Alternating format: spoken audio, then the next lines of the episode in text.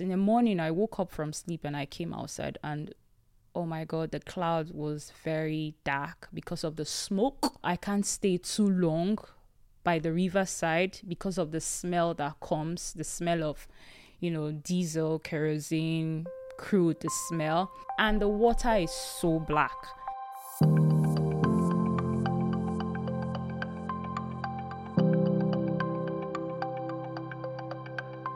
Oil was discovered in Nigeria in the Niger Delta in 1956 and it's now Nigeria's main source of export. Nigeria is the world's 15th largest oil producer, just a little behind a country like Norway, which is number 13. At the same time, Nigeria is one of the poorest countries in the world. My name is Marie Barse, and in today's podcast, we'll talk about oil and oil theft in the Niger Delta. We'll discuss why this extremely valuable resource has not made Nigeria a wealthy country. We'll hear more about how oil theft constitutes a local economy in some of the impoverished communities in the Niger Delta, and how some of those communities feel that by stealing and refining oil, they finally get a share in the resource that was theirs all along. And to explore this, I have you, Esther Egele Godswill, with me in the podcast studio. Welcome. Thank you, Marie. Esther Egele Godswill is a PhD researcher at University of Edinburgh's Centre for Africa Studies and before that, a researcher at Federal University Otuoke in Nigeria. She studies oil theft in the Niger Delta. According to Nigerian authorities, oil theft cost the country as much as $3.3 billion in 2022 alone. At the same time, oil theft constitutes an important local economy in communities in the Niger Delta. Esther, could you start by telling us a little bit about your connection to Nigeria and the Niger Delta? I'm actually from Nigeria. I I was born and brought up in the Niger Delta. I schooled in the Niger Delta. My undergraduates, I did it in a university called the Niger Delta University, Wilberforce Island in Bayelsa State, which is also in the Niger Delta. So I'm from the Niger Delta. I, I grew up there and also doing research as well in the Niger Delta. And you also grew up yeah. with the oil. Yes, yeah. I grew up with the oil, grew up with the conflict as well. So, yes. Yeah, and now you're here in Copenhagen in Denmark for a conference arranged by DIS about resource conflicts in Africa. Yeah.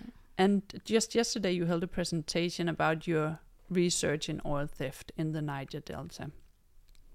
So, in what way is oil a source of conflict in Nigeria? In the early 2000s and mid 2000s, you know, there were conflicts around resource control.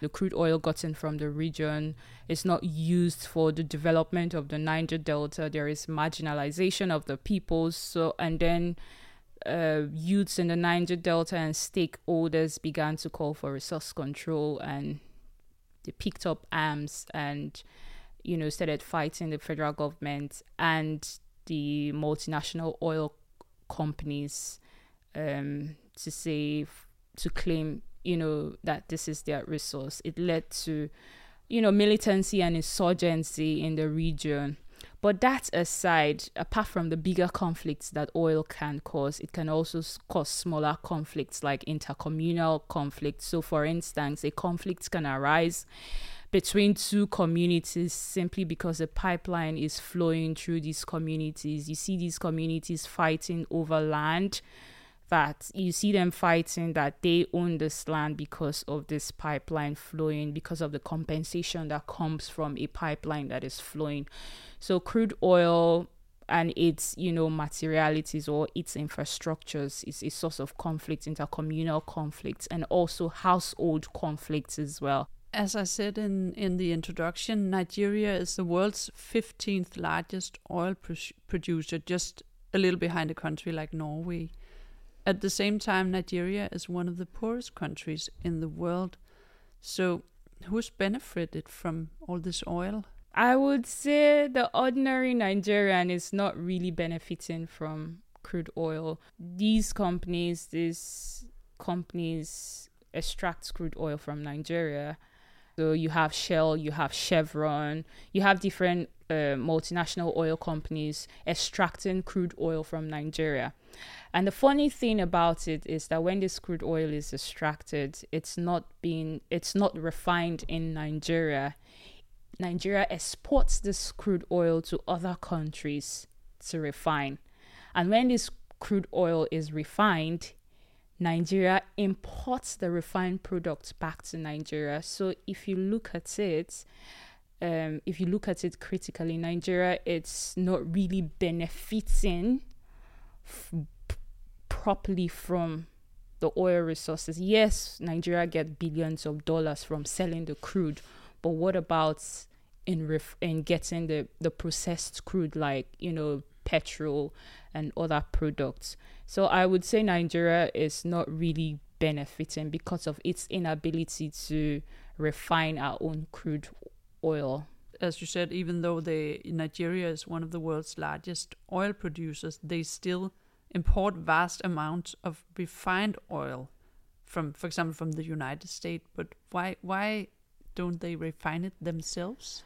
Okay, so uh, the reason why Nigeria is not able to refine her crude is because of um, we have Nigeria do not have good refineries to refine her crude oil. So even the existing refineries are not able to refine in full capacity and they are not working properly. So Nigeria is forced to send her crude to, you know, countries like the US and other countries to refine her products because of the non-existence of good refineries to refine her crude oil. Yeah. Mm. Yeah, so Nigeria extracts the crude oil from the underground in the Niger Delta, sends it for refining in, for example, in the US, and then imports it back to use in Nigeria yeah, and pays money for petrol. It. Yes. Yeah. So okay. with that, it's it's very difficult for the country to really benefit from the crude. Nigeria is supposed to make a lot of money from the crude as well as the processed crude, but she she she exports the crude and imports the refined product. You spend billions of dollars to import refined products. So yeah. yeah and due to these decades of oil extraction in the Niger Delta, the area is now heavily polluted. And you just visited uh, this community in the Niger Delta. Could you describe what it looks like? So, this community I visited is actually an oil bearing community where they've got oil pipelines. In fact, about three oil pipelines, different oil pipelines owned by different oil companies flowing them. The community is not developed at all. There are no roads in the community. The atmosphere alone got me shocking because of the activities of um, oil cooking or oil refining going on, local artisanal oil cooking and refining going on.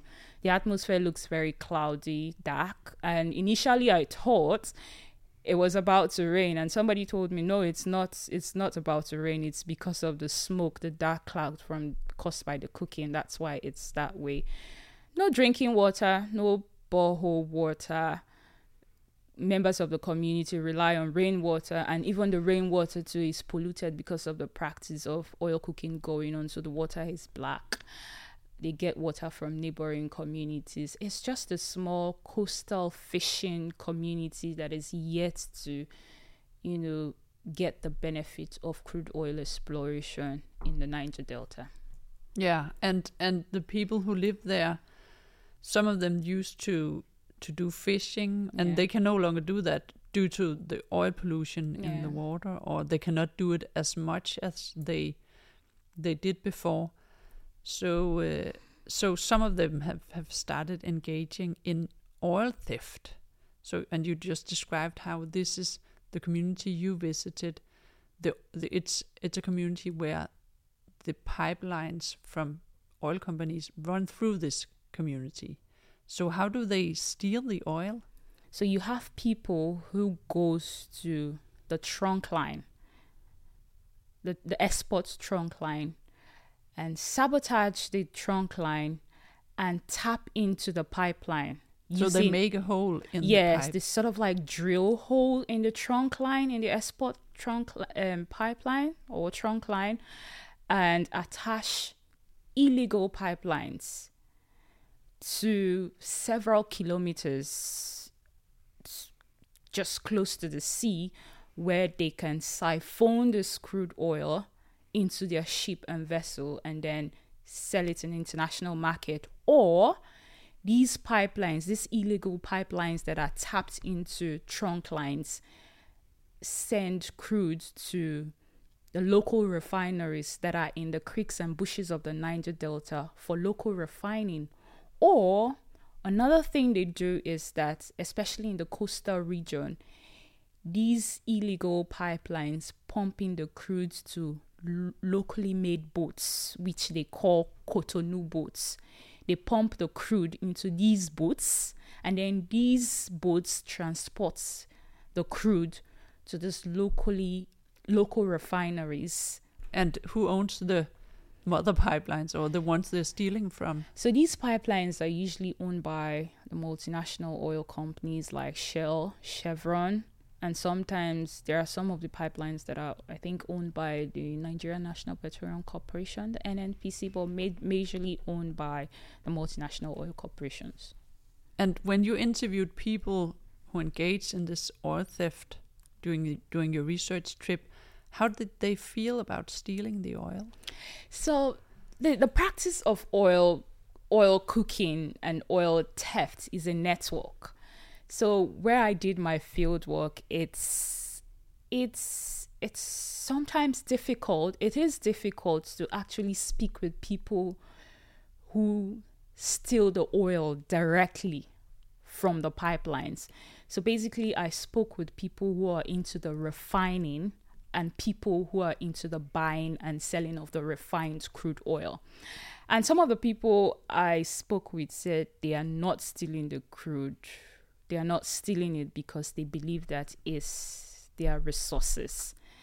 And the the the federal government is is not doing anything for them. It's not creating jobs for them. And they believe that the crude oil, since the crude oil is their resources, they are not stealing it. So it's actually maybe they feel that it's the oil companies that are stealing it from them. or- Exactly. Yeah. Exactly. And you touched upon this refining of oil, and we we talked about when oil is ex- extracted the official way or, or or pumped pumped out in the official way, then it goes for refining in abroad, for example, in the U.S.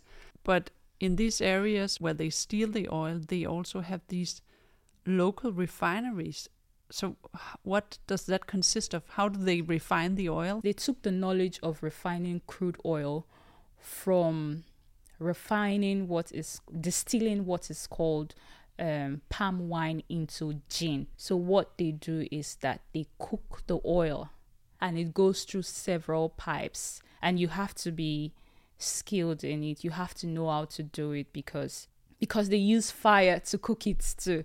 So you have to be good at it. If not, it can lead to explosion. So you're using fire to cook crude oil, something that is inf- highly inflammable. So you have to be skilled in it to know when to reduce the fire and when not to reduce it so that the different products come out of it like kerosene, diesel, and petrol.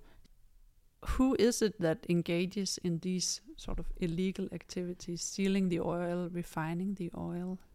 So it involves everybody. Because if you're not refining, you're buying the products because it's cheap and readily available. And then because the government is saying this is illegal, before it gets to the market, they have to transport this product to the market. And before it will get to the market, it will have to go through the military or the Nigerian Navy, which is always in the river. So, how is he able to go through the military without the military stopping them and then it goes straight straight to to the the towns and everything. So the Nigerian military too, it's involved. People in top government is involved. So a lot of people Everyone are involved. involved. Everyone is involved in the practice. If you're not involved directly, you're using the refined product in your home, even to fuel your car as well. so it's in a way a part of a larger economy.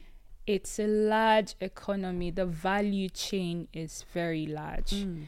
Now, while also doing the field work, whenever I lift that particular community back home to my family house, I see women also selling the refined products.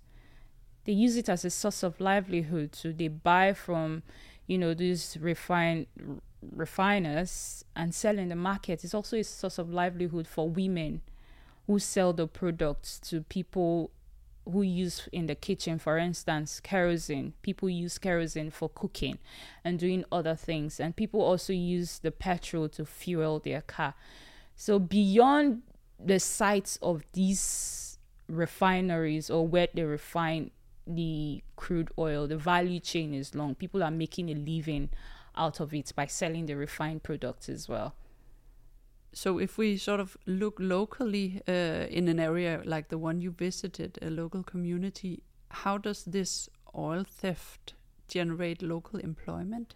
communities are really neglected. If you go to communities, not just in the Niger Delta, but a lot of communities across um, Nigeria, there's actually not much going on. In the Niger Delta is actually the worst. At the time I I went during the cooking season, there's there's a, there's a buzz of economic activities in that particular community. So you have sex workers coming as well. Because when this cooking go on cash is always around. People are willing to spend money. Sex workers come around. Um petty traders come around food sellers they sell uh, food to the buyers and sellers of the crude as well as those people who are refining in the community um, both in the camps as well as in the communities. Local pubs are you know lively because these buyers and sellers who come from different um, areas patronize these local pubs and hotels. So it becomes a buzz of business activities and people make livelihood out of it Yeah, so so apart from being illegal and and that it's the international corporations and maybe the Nigerian state that owns these pipelines and it's illegal to steal from others, what are there other problems related to this oil theft and illegal refining? Um, so the problems that arise from the illegal, um, from the oil cooking, I would say, is more of environmental degradation. While I was in my field site doing my research, I could see the environmental issues, challenges that, you know, that comes up from this cooking. So you see for instance, in the morning I woke up from sleep and I came outside and oh my god, the cloud was very dark because of the smoke and then the smell. I um most times with my nose marks because of the smell. I can't stay too long by the riverside because of the smell that comes, the smell of, you know, diesel, kerosene, crude, the smell. And then you see on the riverbed, you see the residue of the refined uh, crude floating, just moving, and the water is so black. You see it floating, and then along the creeks, the mangrove, because the Niger Delta is one one of the regions in the world that have a lot of mangrove trees. You see the residue of crude in the roots of the mangrove, and it's black. And so, what has the Nigerian government done about it? So Niger- the Nigerian government has been responding to um, the practice, has been trying to stop it. So recently, because for the past five years now, the practice has been, it has been, it's a menace, like it's very serious. So what the government is doing is using the military to go into these camps to burn down the cooking camps with their materials they use for the cooking as well. But at the same time, while they are doing that, they are also polluting the environment because when you burn down cooking camps, you see smoke and all that. But again, recently, last year, while they do that, they also brought out this surveillance contracting system where contracts are given to private individuals to monitor uh, crude oil thefts and refining in the Niger Delta. So while I was there, a surveillance contract was given to one of the ex militants who, in turn, employs the youths. Um, to survey, yeah, to, to survey, to to do um, surveillance on these pipelines, just to discourage them from, you know, cooking. And if you're caught, you they discipline you, you're arrested. So this pipeline surveillance contract is one of the response that the government is, you know. And before I left that particular community, the creeks and bushes around that community, the practice stopped as a result of the pipeline surveillance, the monitoring of pipelines. So it stopped. And has the government done anything about so the lack of development and the lack of uh, job opportunities in these areas? The the Nigerian government introduced um, an institution called the Niger Delta Development Commission (NDDC) just to help, you know, with the development of the region. But trust, corruption, the the agency is now being hijacked by, you know, some elites and political elites and you know youth elites in the region. So the wealth does not trickle down to the common you know youth the ordinary youth and so because of that some of these youths believe that violence or force is the only way with which they can get what they want. So they resort to violence to get what they want. So there are no no no jobs for no. the youths in the region. Yeah, lack of jobs, no employment. Yeah. So what? May a big question. What what could be done to stop the oil theft or stop these Ill- illegal oil cooking, oil refining? Oil theft is is something that has been going for long, and it's a practice that is top government officials are involved as well. But with the oil cooking, by the time they engage with these communities, provide jobs for them, I think it will reduce it drastically and help the Nigerian economy as well.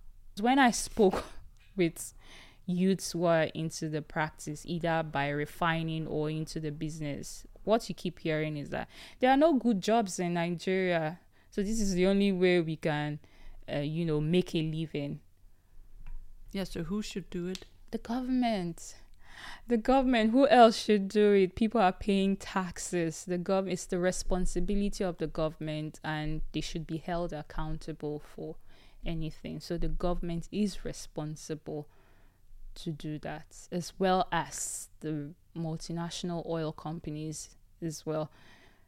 They say yes they are providing you know social responsibilities and all that. The people still need more the multinational oil companies and the government should come together and you know provide jobs for the youth as well as you know lay more emphasis on the local communities. With those words we will uh, end today's podcast and uh, thanks to you esther Egele Godswill, for being here in the podcast studio and uh, to you, listener, thanks for tuning in.